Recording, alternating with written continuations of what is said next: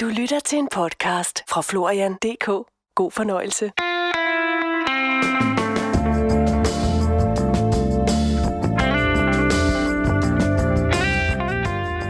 I denne serie på Florians podcast kommer du i selskab med hende her. Mit navn er Monika Lisbeth Petersen. Jeg er forfatter. Jeg interesserer mig meget for energi og balance, og det synes jeg er vigtige emner, og det vil jeg gerne dele med andre. Og man skal ikke læse den her bog, jeg har skrevet, og så tro, at nu har jeg vist, hvad vej man skal gå. For det kan jeg ikke vide, at der er ikke kun én vej. Monika Lisbeth Petersen har skrevet bogen Frø til Spiring, som også er titlen på denne podcast. Og Monika har en passion. Det er Qigong. Det er noget, hun i den grad har sat sig ind i, og hun underviser i Qigong. I oktober 2020 mødte jeg hende hjemme i Dragør i havestuen, hvor hendes mand havde disket op med lækkerier. Og det endda på en dag, hvor det præcist var 30 år siden, de to for første gang mødtes i kærlighedens navn. Dette tredje og sidste kapitel handler om, hvad vi gør for vores børn, og om vores forhold til alkohol. God fornøjelse. Jeg hedder Florian Fastina. Jeg synes, at vi som samfund kunne gøre det bedre i forhold til vores børn. Faktisk på rigtig mange punkter. En af de ting, som jeg synes er synd, det er, at jeg synes, vores børn skal tage stilling til for meget. Det kan godt være, at nogen vil sige, at, at jeg kommer fra en anden tidsalder, men det gør jeg så. Men øh, vores børn er inde over alle verdens problemer. Og faktisk generer det mig, når der står en indsamler ved min dør, med tre børn også, fordi at nu skal de her børn på 3, 4, 5, 7 år jo lære, at der er andre børn i verden, der har det svært. Og det der med at lære, at andre har det svært, det er der jo ikke noget forkert i. Men vi skal ikke tage hele verdens problemer ned på skuldrene af små børn. Altså det synes jeg ikke. Jeg synes, at børn de skal tæppebombes med kærlighed og, og sjov og alvor. Og der sker jo ting i livet, som er alvorlige, og så skal vi ikke lægge låg på det. Så skal vi tale naturligt om det. Men det er jo mere de nære ting, hvis der er sygdom i familien, eller blandt venner, eller der kan være dødsfald af forhåbentlig ældre mennesker, at det ikke er yngre. Ikke? Men, men der kan ske nogle alvorlige ting, og så skal vi selvfølgelig ikke lægge låg på. Det er en del af livet. Men vi skal jo heller ikke tage alle verdens problemer og smide ned i hovedet på små børn. Det synes jeg simpelthen er tavligt. Det er sådan det ene. Det andet, det er, at vi er ret mange sensitive mennesker her i verden. Vi er heldigvis ikke nok til, at man har fundet på at kalde det en diagnose. For at være sensitiv er ikke en diagnose, det er et øh, karaktertræk. Og et rigtig smukt karaktertræk på mange måder, men også en meget hård ting at leve med, hvis man ikke ved, at man har det.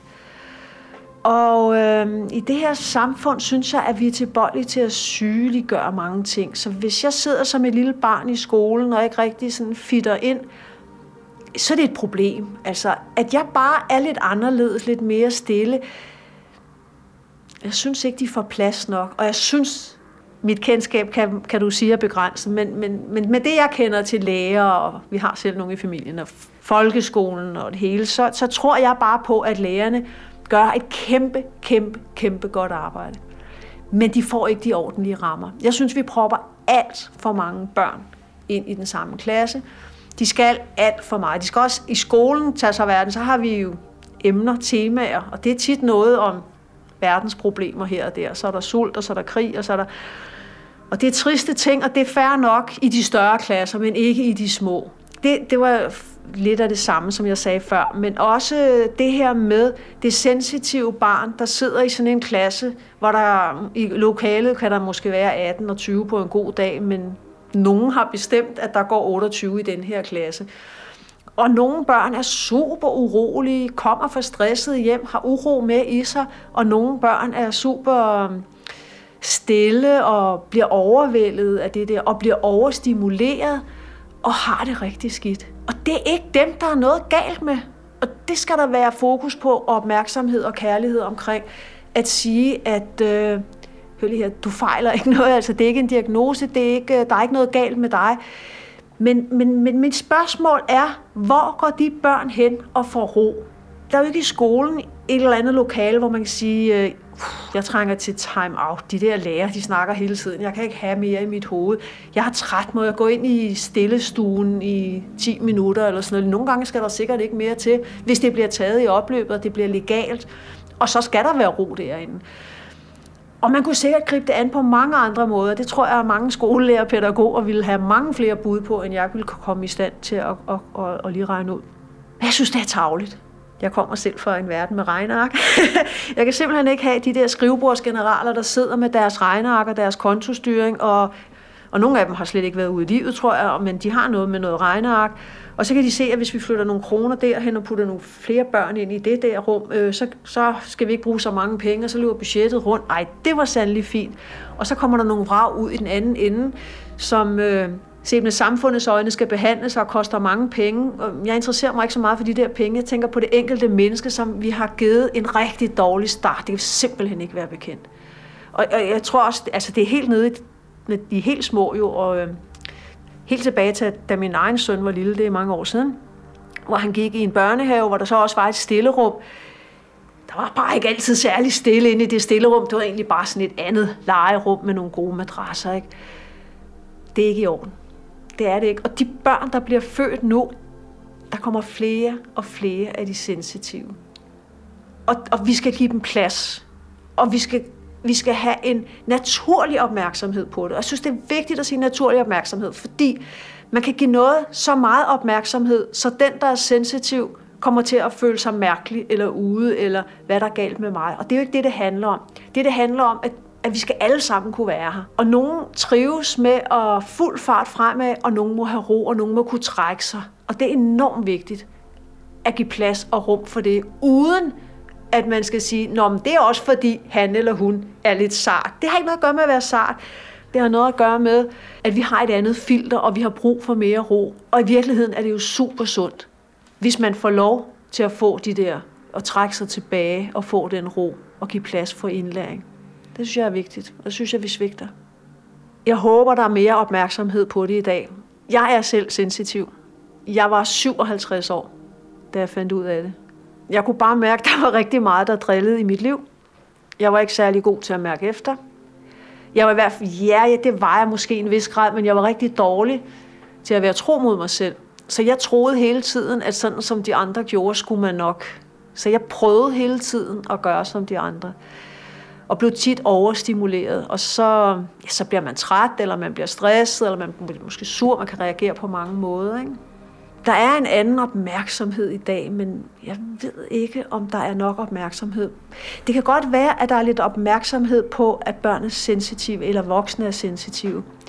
Men man skal, man skal forstås, altså man skal, andre skal kunne rumme det, uden at se ned på en. Øh, jeg har da selv været ude for folk, øh, for det der sensitive til at blive til sart, eller særlig, eller sådan noget. Det har ikke noget med det at gøre. Det har noget at gøre med, at øh, man har brug for at trække sig tilbage og få renset lidt ud, øh, mentalt måske, og i hele systemet.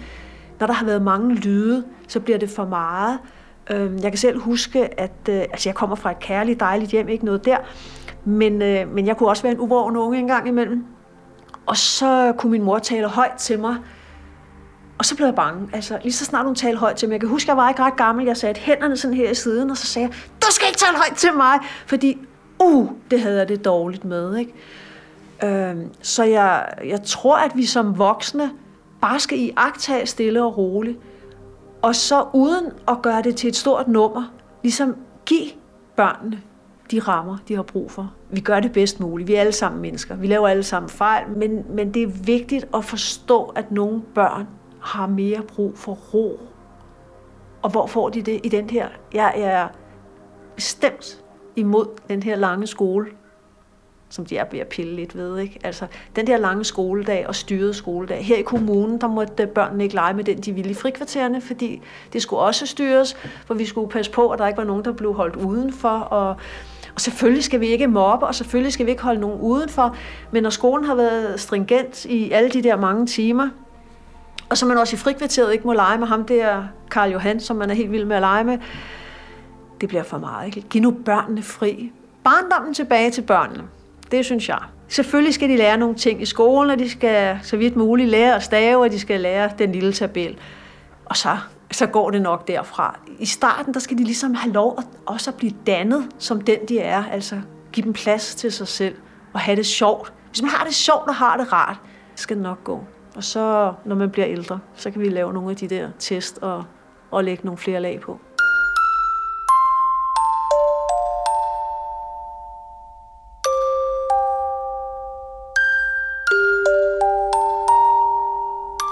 For mig så var det jo det her med, at, at jeg blev overstimuleret, synes jeg. Um, så nogle gange så har man måske været på weekend med noget familie eller noget. Og det er der nogen, der sagtens kan fuld fart fremad, og så er man træt søndag aften, og så går man i seng øh, søndag aften, og så er man frisk mandag morgen. Det kan jeg slet ikke. Altså, jeg skal have fred på. Jeg, jeg mediterer hver dag, øh, og cleaner mit system. Øh, hvis jeg har oplevet for meget, så, så så kommer der nogle gentagelser i mit hoved, jeg har brug for at rense ud. Øh, nu sidder jeg selv og taler meget her i dag, men... Øh, men faktisk synes jeg, det bliver ret hurtigt belastende, hvis folk taler for meget, for længe. Men når det så er sagt, så betyder det rigtig meget, hvordan der bliver talt. Og der kommer jeg selv fra en familie, som talte meget, meget højt, også gerne i munden på hinanden. Jeg tror, alle kender den, at man møder nogen, som, øh, ja, som taler som et maskingevær. Ikke? Man tænker, kunne ved, om de overhovedet når at trække vejret? Øh, sådan noget kunne godt belaste mig meget. Jeg siger jo ikke, at, at, at, at de gør noget forkert, og de gør jo ikke noget for at genere mig. Det er jo der, de er i livet. Øh, men jeg synes, det bliver belastende. Jeg kan huske, at øh, før jeg fandt ud af, at jeg var særlig sensitiv, så, øh, så havde jeg faktisk mange år, når jeg var sammen med nogen, der var stille. Jeg kunne bare lide at være der. Jeg kunne bare sådan sidde. Det var bare rart at være der. Og så sad jeg og studerede dem hvordan det var at være stille, for jeg havde selv meget uro inden i mig, fordi jeg hele tiden troede, jeg skulle være noget andet, end jeg var. Så den der ro, de havde, og jeg tænkte, nej, jeg må, jeg må, kunne, jeg må kunne lære det og få den der ro. Det har jeg jo så fået på min rejse her med, med de ting, jeg har, har, har søgt at få nogle dygtige behandlere og hjælpere og, og guider, og så mine meditationer, som gør helt vildt meget. Ikke? Øhm, faktisk gik jeg på et kursus, som hed Voksenpædagogisk Grundkursus, hvor man skulle lære at undervise, eller det var det, det lidt handlede om, fordi jeg jo gerne ville undervise. Og det var en på holdet, og det er det, det, der så tit har sket for mig, også når jeg har gået til Qigong og Tai Chi, at det er en på holdet, jeg har lært en hel masse af. I det her tilfælde sad vi nogle elever skulder ved skulder, og så var der en pige der, hun var sygeplejerske, hun var også på min alder, sygeplejerske og kostvejleder. Det snakkede vi jo ikke meget om på det der kursus, men hun gjorde mig opmærksom på nogle ting. Og så er der en, der hedder Aaron Page måske, der har skrevet øh, noget litteratur om det, som jeg klart kan anbefale. Der findes også bøger om børn, og det må jeg klart anbefale, at man læser. Virkelig, virkelig meget lære. Fordi vi er jo ikke opmærksom på det, før vi lige får lidt hjælp til det. Det er ligesom med Qigong og alt muligt andet. Vi skal jo lige ind i sporet og mærke, åh, er der også noget her at hente? Og de bøger kan jeg, kan jeg anbefale. Og der lånte hun mig en, øh, en DVD, hun havde, øh, hvor man så hørte, hvad det var. Og det synes jeg virkelig, man skal, man skal ofre sig selv og prøve at finde nogle af de der DVD'er, øh, eller hvordan, om det streames nogle stunder, og, øh, og se og høre det der, og læse de bøger. Fordi vi kan hjælpe vores børn og selv hinanden helt vildt meget vi lige at blive opmærksomhed. Vi gør så mange ting i det, jeg kalder misforstået kærlighed. Så hvis vi lige får en anden vinkel, så kan vi hjælpe hinanden og os selv. Altså jeg har, jeg har så kvæg min udvikling lært at stå ved mig selv, så jeg, jeg trækker mig, og jeg trækker mine... Øh, altså hvis jeg er et sted, hvor der er for meget, jamen så siger jeg fra, øh, og siger, jamen øh, nu går jeg hjem, eller hvad, hvad situationen nu tilskriver, man kan gøre. Man, man er jo nogle gange ude et eller andet sted, hvor man bare kan gå hjem. Øh, hvis man har gæster, kan man ikke så godt sige, Nå, men du går nu. men man finder ud af at gelejte sig i det. Ikke? Øh, så må man gå lidt ekstra gang på toilettet. Men for mig har det så også betydet at øh, være lidt selektiv med sin omgangskreds, og det synes jeg også, man skal unde sig selv. jeg har den holdning, at det blev naturligt for mig, vil jeg hellere sige. Nogle gange var jeg sammen med mennesker, som jeg oplever som energityv. Og hvis jeg hver gang er sammen med, med et bestemt menneske og kan mærke, at jeg er flad bagefter, så skal vi nok ikke være så meget sammen. Øh, jeg bliver nødt til at trække mig. Jeg kan mærke, at, at den energi, der er her, det hele handler også om energi, ikke? Det kan jeg ikke. Øh, Ja, jeg synes, det er bedst at sige, det kan jeg ikke, fordi det er jo ikke, fordi jeg ikke gider, og jeg ikke vil den person. Den person kan jo også være et pragtfuldt menneske. Men der er noget med vores energi, der ikke lige klinger. Vi kører på en anden frekvens, plejer jeg at sige. Øhm, så, så bliver jeg nødt til at trække mig. Så jeg synes, man skal... Jeg synes faktisk, man skal unde sig selv og være, og være tro mod den der. Og så er der andre mennesker, og de kan godt tale meget måske. De kan godt være meget på. Men man kan bare mærke, ah, her er rart at være, ikke? Og der synes jeg, det er vigtigt, det her med at lære at mærke efter, og være tro mod det, man mærker, og agere på det. Netop agere på det og sige, hvis, hvis, jeg, hvis jeg kan mærke hver gang, jeg er sammen med det der menneske, så er jeg måske energiforladt, eller jeg er vred, så kan jeg gå og tænke, hvorfor er jeg vred? Den der person har jo ikke generet mig. Men jeg kan mærke, at jeg er vred, eller jeg kan mærke, at jeg er irriteret. Så skal vi være sin vej. Og det synes jeg godt, man kan gøre i kærlighed. Det har jo ikke noget at gøre med at smække med døren og sige grimme ting til hinanden. Hvorfor søren skulle man dog gøre det? Det har noget at gøre med, at øh, jeg tror bare, jeg skal en anden vej.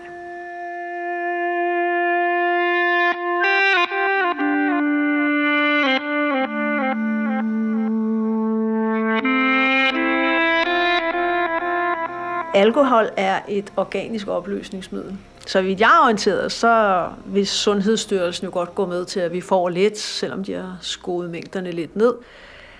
Øhm, jeg har det sådan med alkohol, sådan i min, i min guidning, eller hvad skal man sige, mine anbefalinger, at hvis man bliver super glad af at få et glas vin til sin mad, eller en øl til sin frokost, så synes jeg egentlig, man skal gøre det. For vi er mennesker, og vi skal leve. Men øh, selvom der er også nogen, der mener, at der kan være noget godt i rødvin, det vil jeg ikke prøve at benægte, så er min holdning, at alkohol, du har ikke brug for det. Øhm, alkohol kan meget nemt blive flugt. Jeg tror, at mange, nu siger jeg bare fredag aften, der kommer hjem efter en lang travl uge, tænker, åh, endelig fredag, nu skal vi have et glas vin. Jeg har selv drukket vin. Øh, jeg har aldrig været afhængig på nogen måde, men jeg har da også fået nogle ting. Jeg har også prøvet at være fuld jo, men altså, sådan en, jeg har da også prøvet den der med at komme hjem en fredag og tænke, åh, oh, endelig fri, og så lige få et glas vin. Ja, men øh, det er noget med vaner, men det er også noget at gøre med, at, at vi er for trætte måske, at vi har hældt for meget på. Og, øh, altså, i dag, der har jeg det sådan, at øh, jeg, har, jeg har det helt klart bedre uden alkohol. Og så synes jeg mere, jeg hviler i mig selv. Og det tror jeg altså, vi er jo ikke ens, vi er forskellige. Men det, jeg tror, der er mere, flere end mig, der kunne få bedre balance i sig selv uden alkohol. Alkohol kan godt være flugt, og den der sådan med, når man kommer hjem om fredagen og lige skal have det der glas vin. Ja, du er lidt træt, og så lidt fortravlet, og hele organismen kører lidt, sikkert op i hovedet og også i kroppen, og og egentlig er man bare træt sikkert. Og så gør vinen jo lige det, at du bliver dulmet lidt. Den sløver jo. Og det synes man jo er meget rart der. Jeg provokerer lidt nu ved at sige, at men er det også lidt en flugt? Fordi når jeg kommer den der fredag hjem, eller hvornår det er, og jeg er lidt for træt, og lige har brug for den der vin, så er det jo fordi, måske, at jeg har overhørt nogle signaler om, at jeg er super træt, eller har alt for meget at se til, for mange tanker og for meget at gøre mål. Og så flygter jeg jo lidt i den forstand, at jeg ikke giver det min opmærksomhed. Jeg tænker, lige nu er det bare rart at få sådan en, yes, og så kan jeg slappe af. I stedet for, at jeg måske skulle have tænkt, ah, hvorfor er jeg så træt nu? Og det er jo helt fint, at indimellem har vi jo pressede perioder. Vi kender det alle sammen, så er der en million punkter, der farer ned i hovedet på os. Vi skal, alt, vi skal tage os af det hele lige nu. Sådan er det jo en gang imellem. Men vi er begærlige. Det er også en ting, jeg gerne vil køre op med og skrive lidt om. Øhm, vi skal slippe vores begær, og det gælder på alt muligt. Det gælder måske pladsen på arbejdsmarkedet. Det gælder at tjene alle de her mange penge, så jeg kan bo i det her store hus med de her flotte biler og rejse de her mange gange om året og gå i det rigtige tøj og hvad ved jeg. Alt det der begær, det gør os ikke godt. Og så er der altså kun én til at prioritere, det er os selv. Og jeg har selv siddet i en situation, hvor jeg Måske med mit hjerte, så skulle jeg have sagt mit job op. Der kom også en chef, som sagde nogle ting, jeg ikke ville finde mig i. Jeg sagde ikke fra. Men det er jo ikke godt nok. Hvis jeg, øh, jeg snakker ikke om en enkelt gang, vi er uenige og sådan noget. Jeg snakker om det store billede. Hvis jeg hele tiden kan mærke, om det så er en chef, eller om det er bare jobbet som sådan, om, om, om, om jeg giver mere, end jeg i virkeligheden har, så er det mig, der skal prioritere. Øhm, den kan man altså ikke tørre af på andre. Og det arbejde vil jeg rigtig gerne invitere til, at man gjorde. Og, og det kan sagtens blive bøvlet og smertefuldt. At gå ind og arbejde med sig selv, det er sjældent nogen nem opgave. Der er meget bøvl at, at, at hente der. Men gennem smerten, der kommer øh, helbredelsen og glæden ved at, at finde ud af at få gjort op med det, jeg gjorde forkert. Fordi øh, hvis, jeg, hvis jeg for tit kommer hjem og er fuldstændig smadret og trænger til den der glas vin eller bajer, eller hvad søren det nu er, eller skal have en lille en om morgenen, næsten endnu er, så gør jeg noget forkert. Det mener jeg. Øh, og, jeg, og, så, og så ved jeg også godt, at vi er forskellige, og jeg er jo som sagt sensitiv, og nogen er jo ikke i nærheden af, hvor jeg er, og kan meget mere. Altså, og, og alkohols indflydelse på mig, på os som mennesker, er jo også forskellig. En kan drikke en flaske rødvin, det opdager du ikke. Øh, jeg vil blive rigtig dårlig, og måske også først, inden jeg blev dårlig, blive lidt dum på, hvad jeg tror.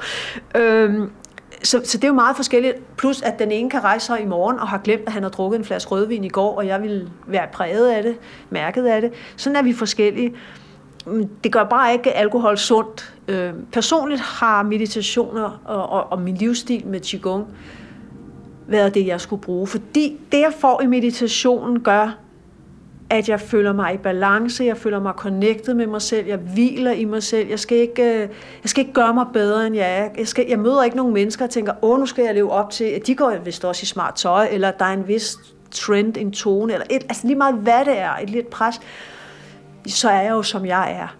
Og hvis noget generer mig, så går jeg hjem og cleaner og mediterer øh, og laver mine øvelser. Og, øh, og, og den meditation har jeg med mig, og der er ikke nogen bivirkninger. Jeg får ikke leverskader eller andre ting.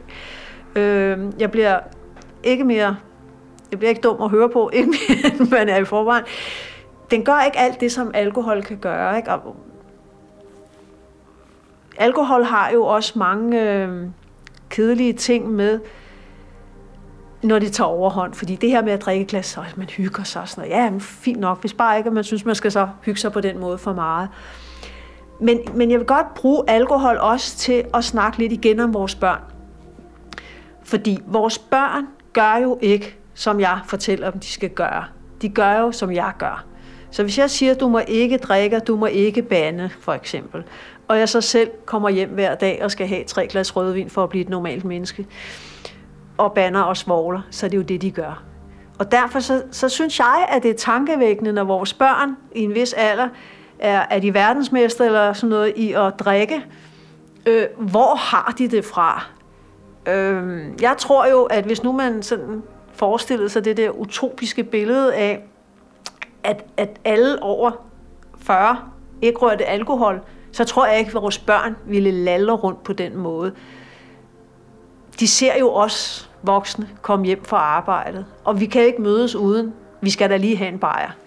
Og jeg har da selv prøvet, da jeg, øh, det var i forbindelse med, at jeg mediterede mere og mere, så kunne jeg bare mærke, at jeg havde slet ikke lyst til det der alkohol. Jeg har ikke taget en rationel beslutning og sagt, nu vil jeg ikke drikke alkohol mere, fordi hvis jeg har lyst til et lille glas vin, så gør jeg det. Det har jeg så bare ikke.